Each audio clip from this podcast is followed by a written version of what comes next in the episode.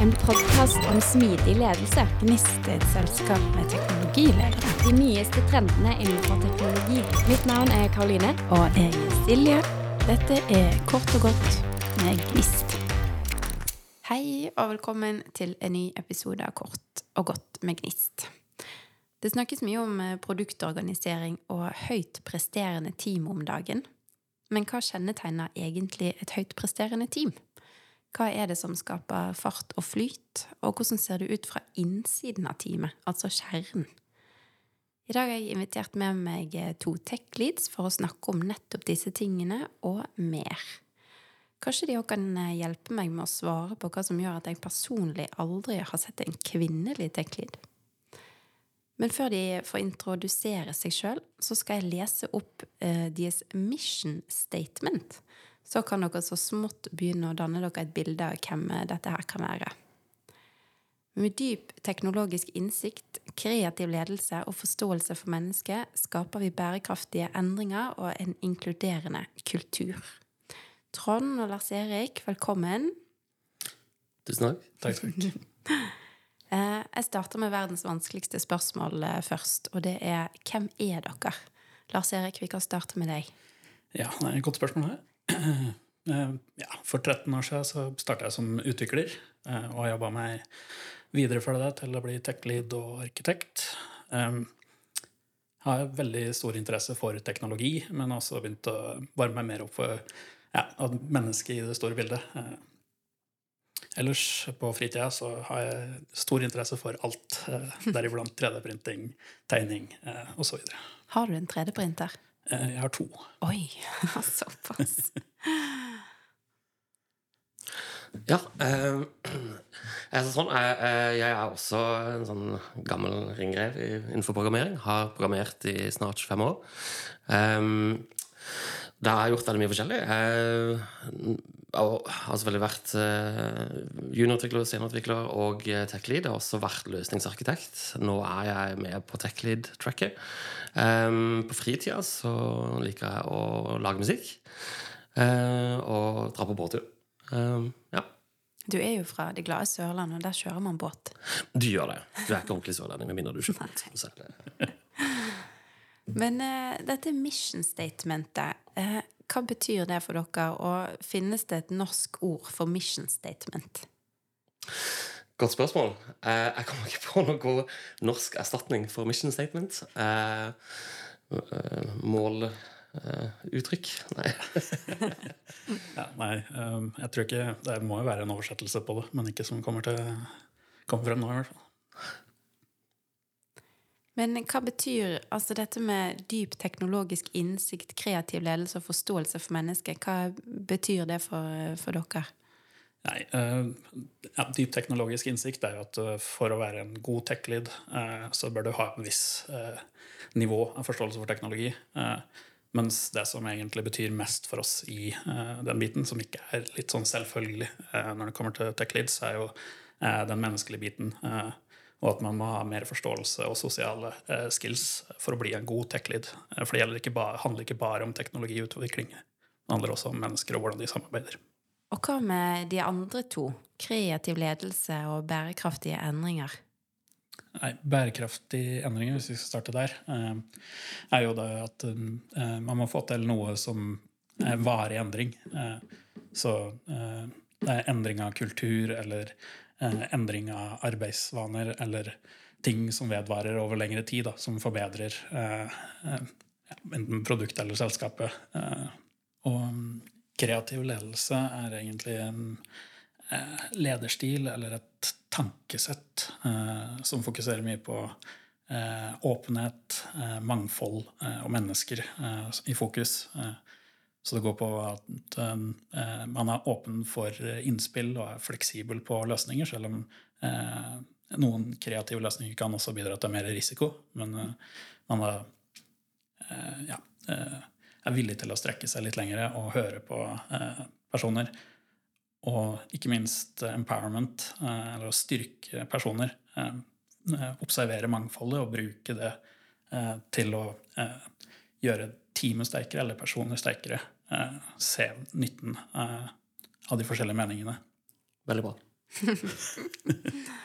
Men eh, hva roller har dere i dag? Dere har jo nevnt flere roller som dere har jobbet med opp igjennom. Men hvis vi starter med deg, Trond, hva, hvordan ser arbeidshverdagen din ut i dag? Nei, akkurat nå så er jeg jo på en måte mellom to prosjekt. Så jeg holder på å offboardes på det ene prosjektet og, og skal onboardes på et nytt på, på, på mandag. Men jeg har da vært uh, tech-lead i et, uh, et lite team um, hvor vi har uh, hatt en del utfordringer i forhold til teknologivalg og, og store variasjoner i, i teamet. Eh, så, men akkurat nå holder jeg på å lære opp noen yngre utviklere i, i alt som, som eh, vi har gjort mens vi har jobba der. Og ja, prøve å sørge for at det skal være så smidig som mulig overgang til, til de som tar over. Lars Erik? Yes, nei, akkurat nå så jobber jeg som arkitekt hos en kunde. Så det, ja, Integrasjonsarkitekt er vel den offisielle tittelen, men det blir litt arkitektjobb utenfor bare integrasjon. Så du er ikke noe tech-lead akkurat nå? Nei, det er ikke akkurat nå. Ikke akkurat nå. Mm. Men jeg var inne på det i innledningen, men dette med høyt presterende team. Eh, hva mener dere er viktige, eller hvilke komponenter tenker dere er til stede i et sånt team? Det viktigste som jeg tenker på, er, eh, er trust, eller at man stoler på hverandre. Eh, hvis ikke det er til stede, så fungerer det ikke. Hvis du ikke stoler på at de andre utviklere f.eks. gjør en god jobb, eller eh, prosjektlederen ikke har nok kompetanse, eh, så eh, faller ting litt sammen. Helt enig. Psykologisk trygghet er også en viktig faktor for å ha liksom, lykkelige og, og produktive eh, utviklere på teamet. Så det går litt i hånd i hånd med det du sier der. Um, ja. Ja, nei, igjen videre på psykologisk trygghet så er det kommunikasjon som er liksom det tredje. Eh, at det, eh, ting flyter lett. At det er lov å stille spørsmål. Eh, uansett hvor dumme man tenker de er, eller hvor små de er, eller hvor store de er. Mm. Spør etter hjelp, eller bare spør etter småting. Så må det være litt tak i det. da. Lov å, lov å le litt. Lov å, lov å kanskje kritisere uten at det tas som et personlig angrep. ikke sant? Men alt det inngår jo inn i, i psykologisk trygghet. At man har liksom bygd opp den rammen for alle. Mm. Men dette med psykologisk trygghet og, og, åpenhet og direkte kommunikasjon eller ærlighet Er utviklere generelt gode på, på å åpne seg? Uh, nei. Litt ledende spørsmål, kanskje? jeg vet ikke. Ja, det, det, de, de, de, er vel på en måte litt eh, kultaktig, så for, for, en utvikler til å åpne seg for en annen utvikler er kanskje enklere. Uh, enn åpne, at de åpner seg for en prosjektleder eller eh, andre utenforstående personer. Vi har, vi, har, litt eget språk, eller vi har litt fell, mye felt felles, så da blir det enklere å snakke sammen. Mm. Mm.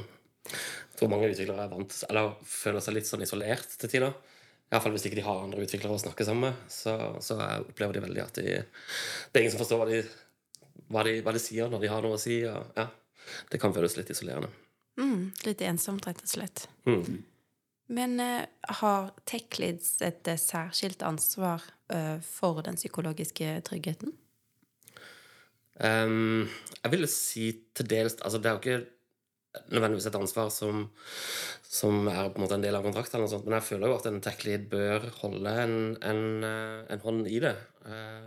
og um, for som en tech-lead så har du ganske mye å si for spesielt yngre utviklere, eh, som kanskje har mest behov for psykologisk trygghet. Um, og, og, da Altså, hvis de har en, en tech-lead som, som eh, ja, viser de forståelse og, og, og, på en måte legger til rette for dem på en måte som gjør at de kan føle seg frie og, slappe av senke skuldrene, så, så, er jo det veldig viktig for, for, for teamet som helhet. Så jeg, jeg vil si det. TechLead har et, et ansvar der, men uh, ja. Det er ikke noe som står svart på hvitt, for å si det sånn. Mm. Har dere vært del av et, uh, av et høytpresterende team før? Kjent på det? Nei uh, Nei. ja, vi har det. vi, meg og Lars Erik har jobba sammen på et, et veldig høytpresterende team, vil jeg si. det er veldig få team jeg jobba med, som har kommet opp mot mot sånn som vi hadde det på den tida. Ja, jeg jobba lengre enn Trond, så jeg starta før han. Eh, så jeg var òg med når det teamet ikke presterte så godt. Så jeg var med på reisen helt til det var et godt høyt presterende team. Det er kult. Hva, hvilke grep eh, gjorde dere? Eh, nei, i, i bånn eh, så lå eh, eh, psykologisk trygghet eh, eh, der allerede. Eh, men så begynte vi å få tillatelse eh, og mer eh, eh, ja, trust fra ledelsen. Eh, så vi fikk muligheten til å bruke tre måneder på å, bygge støttesystemer eh, og utvikle eller Sette til rette hvordan vi skulle jobbe sammen, og hvordan vi skulle jobbe med det teknologiske. Ja.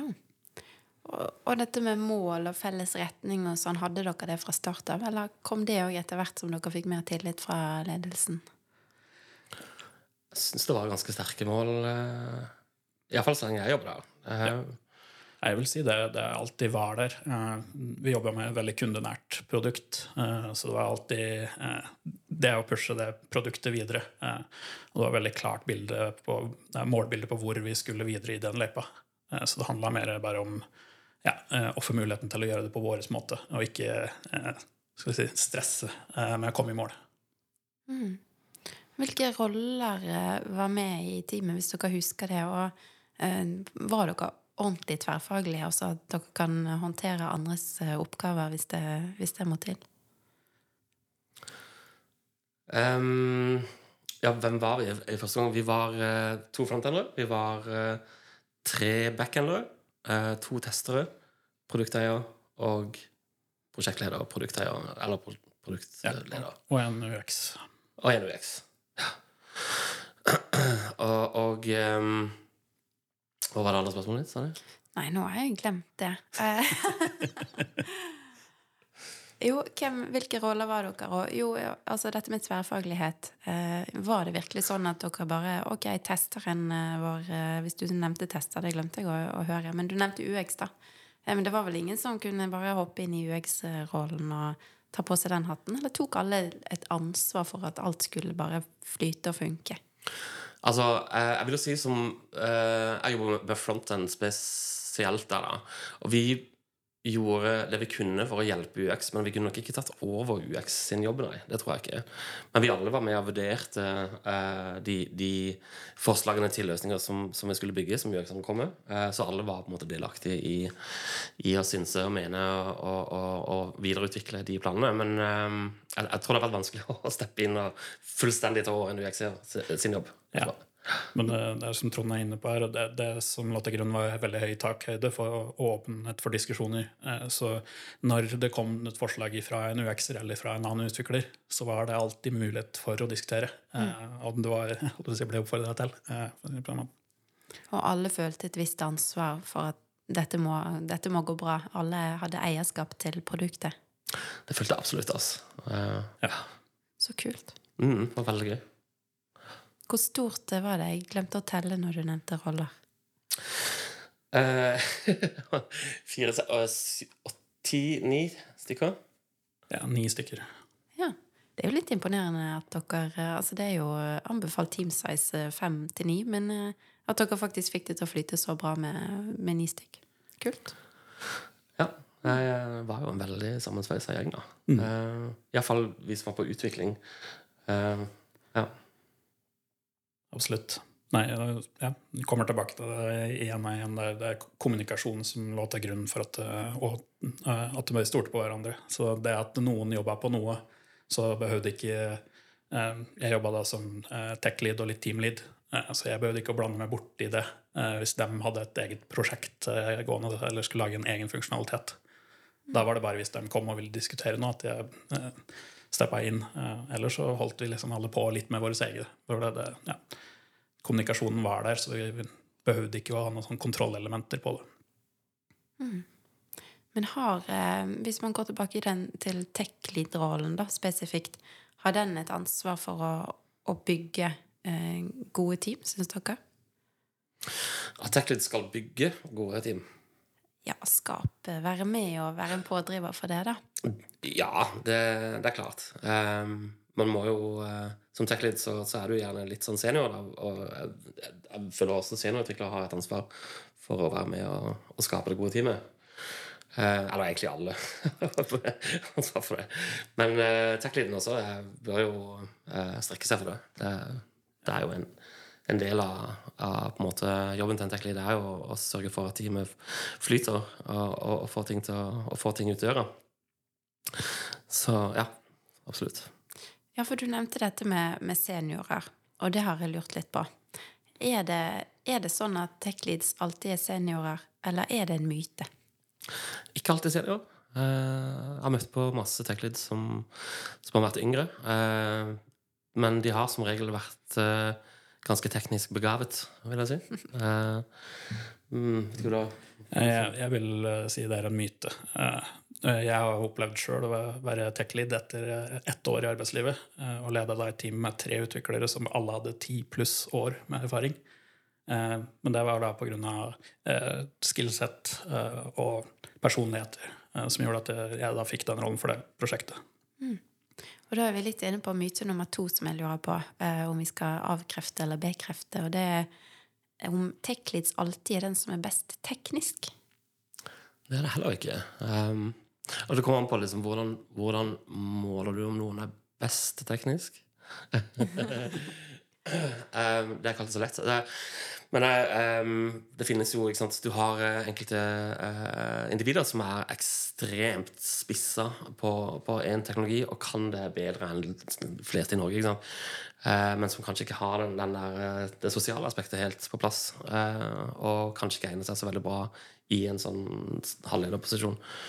Um, ja, hva tenker du? Jeg er enig i det. Um, En del av det som jeg ser som rollen til en tech-lead, er eh, tilretteleggelse. Eh, Du skal få teamet ditt og de rundt deg til å fungere bra.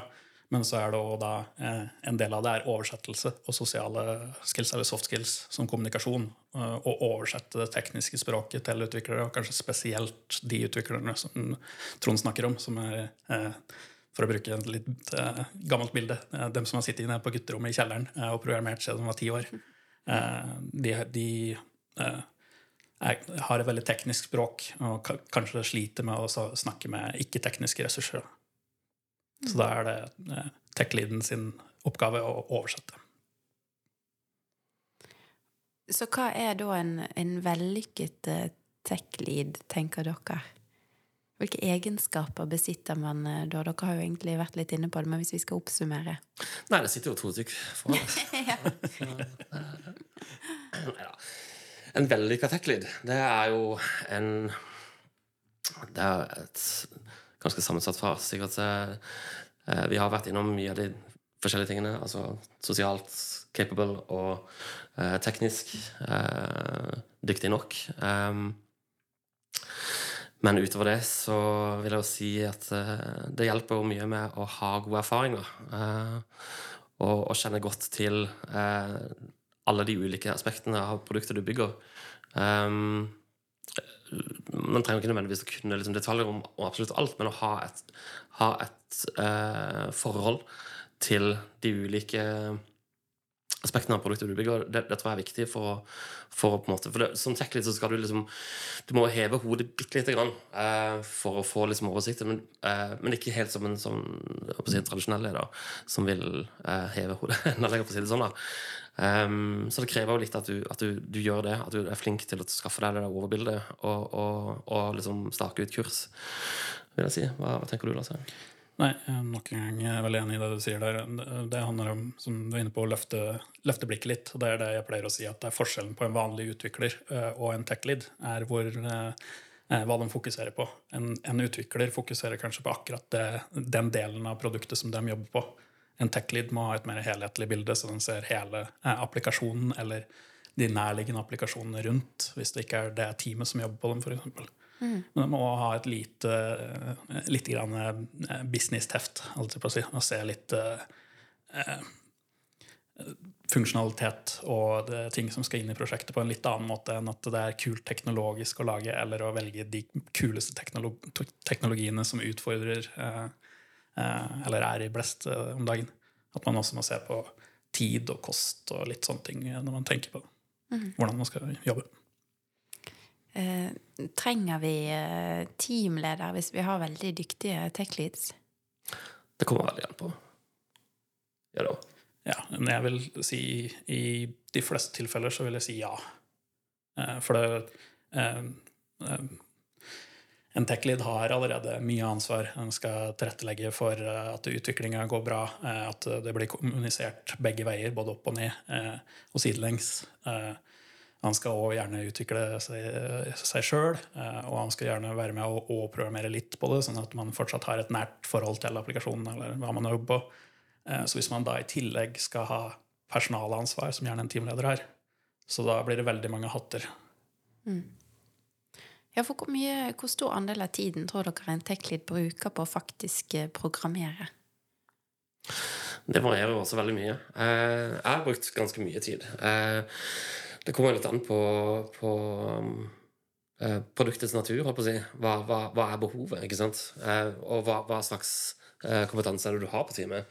Hvis du sitter der som en tech-lead med 20 års erfaring, og du har tre eh, juniorutviklere som nettopp kommer ut av skolebenken, så da må du ta en del valg. Du må tilrettelegge eh, en del i koden også, og ta en del teknologiske valg.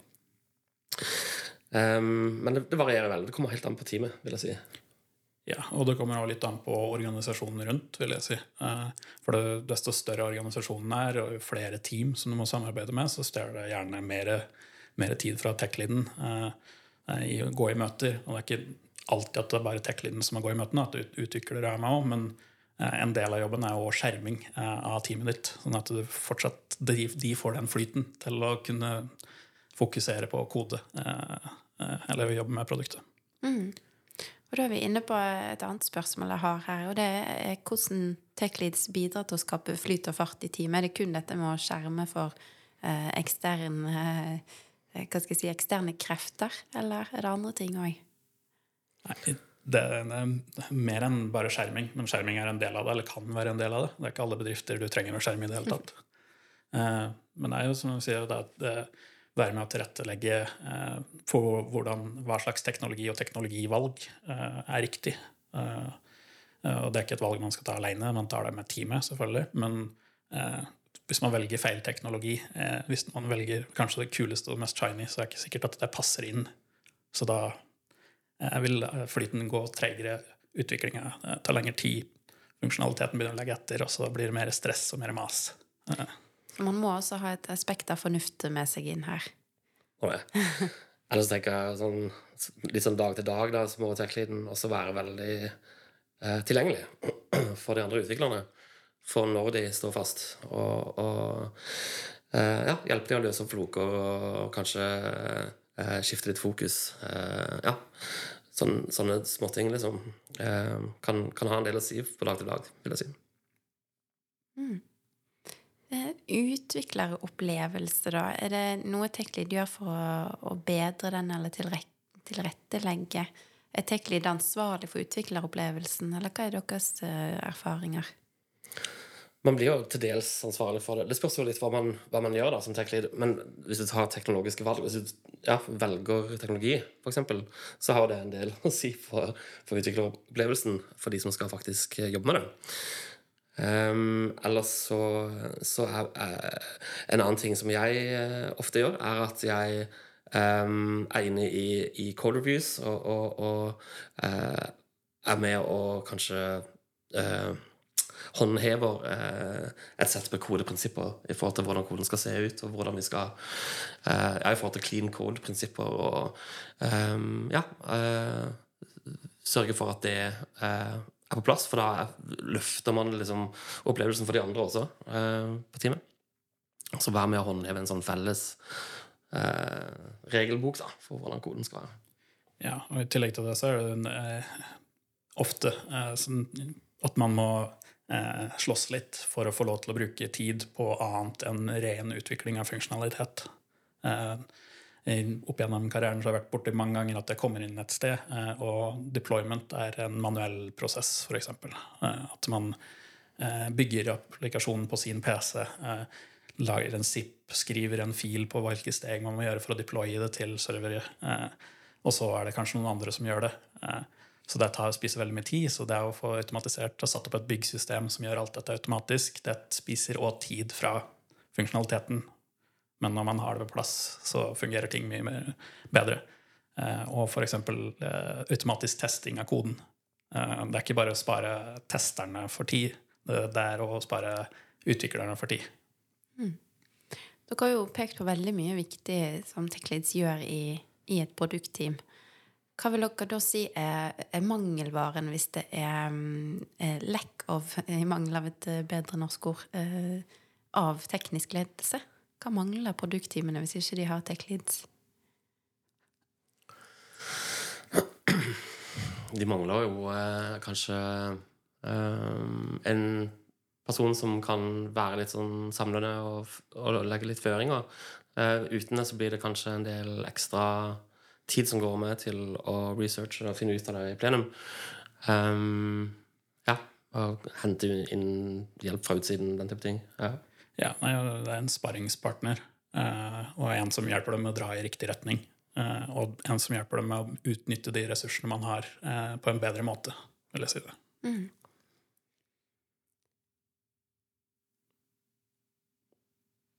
Boken eh, Team Topologies. Jeg tror dere satser på at dere kjenner til den, men der snakkes det om kognitiv last. Og det kan beskrives som eh, den mentale byrden eller anstrengelsen som teammedlemmer eh, opplever når de samarbeider i ulike teamstrukturer og, og utfører oppgavene sine.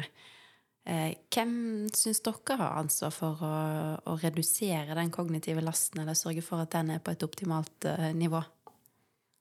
Nei, Jeg vil si at tech lead og team lead har et litt større ansvar. Ellers så faller det litt på hver enkelt å klare å identifisere når eh, sin kognitive load er for høy. Eh, At man da har den kommunikasjonen og den trusten til at man kan si ifra at nå, nå jobber jeg på litt for mange forskjellige ting her. Jeg blir dratt til litt forskjell, mange, mange forskjellige retninger. Eh, Kan du hjelpe meg med å skjerme meg, eller hvordan kan vi fordele det? Og ta en dialogen, da. Men det er jo opp til tech-lead og team-lead å identifisere det også. Det er mange, og spesielt yngre utviklere, holdt på å si, vet ikke helt hvordan det føles eh, når man har litt for mange oppgaver eh, hengende over seg. Da tenker man at ok, jeg må bare jobbe fortere, eller jeg må jobbe mer. Eh, men svaret er ofte at da kan du jobbe litt annerledes. Eh, fordele eh, ting på flere personer. Prioritere annerledes. Eller sånn litt sånn dag til dag i forhold til kognitiv lov, så er det ja, som du sier, alle har ansvar i å, i å kontinuerlig forbedre det. Um, så som tech-lead i hvert fall så pleier jeg ofte i code reviews å, å påpeke ting som jeg ser øker den kognitive loaden for leseren. Uh, prøve å fange sånne ting litt sånn i, i, under utviklingen. Direkte koden, i hvert fall. Men jeg, jeg, Ja, og så er det dialog med resten av organisasjonen, eh, og flagge det. eh, Og at nå har eh, mitt team, eller nå har eh, kanskje jeg, eh, for mye eh, på tapeten. Eh, Så eh, nå må vi gjøre noe med det. Eh, Nå må vi bremse nye ting som kommer inn. Vi, nå må vi fokusere. eh, Eller ja, eh, flagge det. Det er sånn at man er klar over det. Hvis eh, ingen er klar over det, så er det ingen som kan gjøre noe med det. Nei, og Da går vel farten eh, ofte ned òg, hvis man har for mye uavhengige oppgaver hengende over seg. Det påvirker vel litt fart og flyt også. helt klart. Men eh, hvis vi skal oppsummere litt nå, da eh, hvordan, altså, hvordan bidrar tech leads til å skape høyt presterende team? Nei, det er jo eh, som vi vi har nevnt mange ting allerede, eh, men eh, tilretteleggelse er jo den hoved, hovedsaken. Så å skape psykologisk trygghet det, det er en ting som man kan jobbe med med teamet med forskjellige teknikker. Eh, Og ja, eh, det å, å jobbe med eh, DVX, eller utvikleropplevelsen, tilrettelegge for at det er smooth eh, og godt, eh, så er det ingen bedre følelse for en utvikler enn å føle at man f har god flyt. Da. Eh, Og det får man ved at man fjerner hindringer i hverdagen. så får man jo med en god teknikk så, så har man en, ja, sier, en veldig god sparepartner for eh, gjerne spesielt yngre utviklere. da. At de får en, en, en person som kan være en slags mentor, eller en person de kan snu seg til og, og, og få hjelp når de står fast, og få raske oppklaringer og ja, få, få tilbake flyten. Men eh, vi var litt inne på det nå òg. Den eh, psykologiske uh, tryggheten. Du nevnte, Lars Erik, at det finnes mange metoder eller verktøy for å, å kunne øke den. Eh, har dere noen konkrete tips? Eh, nei, det er jo en eh, eh, Den er, den, er, den er vanskelig å ta noen konkrete tips. Er det workshops, eller er det Altså, hvordan får man den der ærlige og åpne kommunikasjonen, hvordan får man det til i praksis? Er det bare å henge sammen, eller? Det er et- et godt tiltak. Å være, henge sammen på den sosiale arenaen. Så det kan være så enkelt som å arrangere aktiviteter utenfor jobbtid. eh, Sånn at man eh, ikke bare snakker jobb, men blir litt kjent på eh, person til person også. Det gjør det mye enklere å gå til dem og spørre om hjelp, f.eks. Ellers er det vel én-til-én-samtaler hvor man liksom ja, basically bare prøver å, å um, illustrere for, for den andre personen at det, man bare ønsker å hjelpe, og prøve å finne ut av tiltak på hva man kan gjøre for, å- for at den personen kan utvikle seg videre. Og, og samtidig liksom gi en eh, Altså la, lage det rommet hvor, hvor, hvor det er eh, Hvor de føler seg trygge, da. Ja, og det er jo kartlegge eh, f.eks. Eh, interesser eller ønsker eh, fra personer i teamet.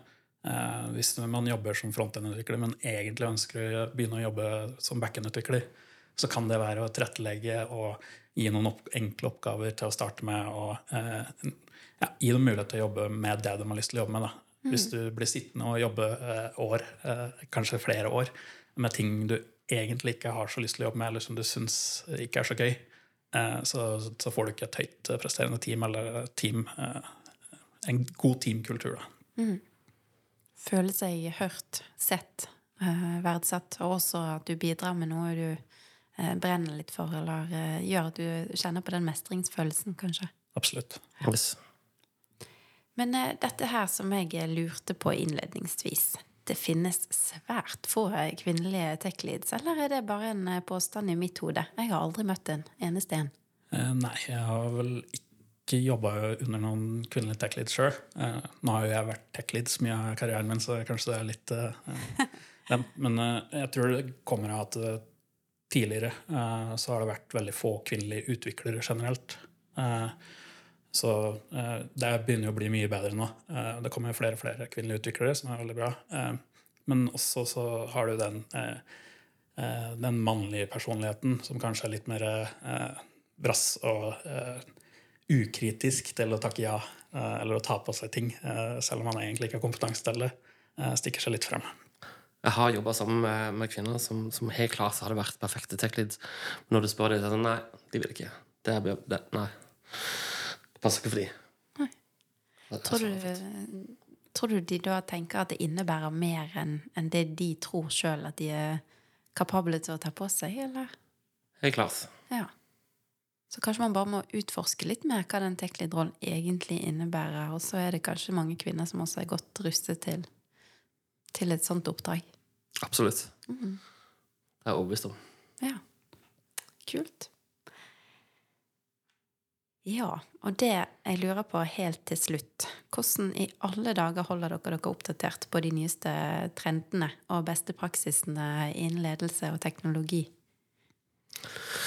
Ja, det er eh, hva skal jeg Det er mange forskjellige svar på det. Em, jeg bruker mye tid på forskjellige nettforum. Eh, Reddit, eh, eh, Y Combinator, en del sånne feeds hvor det kommer inn mye nyheter fra tech-bransjen. Ellers så følger jeg med på en del influensere på typ YouTube og Twitch. Og så er det bøker, da, og konferanser som, som er for meg. Jeg er veldig lite glad i bøker. Jeg har aldri klart å lese den type bøker i det hele tatt. Eh, Så for meg så går det mer på eh, artikler og bloggposter eh, og mye YouTube. Og jeg er veldig glad i å gå på konferanser, men da av forskjellige typer. Hvis vi har noen eh, veldig konkrete tips, gode tips som dere kommer på etterpå, så kan jo vi legge de i episodebeskrivelsen, så kan folk eh, klikke inn på derfra. Så det kan dere tenke litt på, gutter. Ok, ok. Tusen takk for at du eh, hørte på eh, Kort og godt med Gnist, og med meg, Silje Velore. Ros og ris og spørsmål kan sendes til podkast.gnist.as. Takk for at dere kunne komme. Vi høres. En podkast om smidig ledelse. Gnist er et selskap med teknologiledere. De nyeste trendene innenfor teknologi. Mitt navn er Karoline. Og jeg er Silje. Dette er kort og godt med Gnist.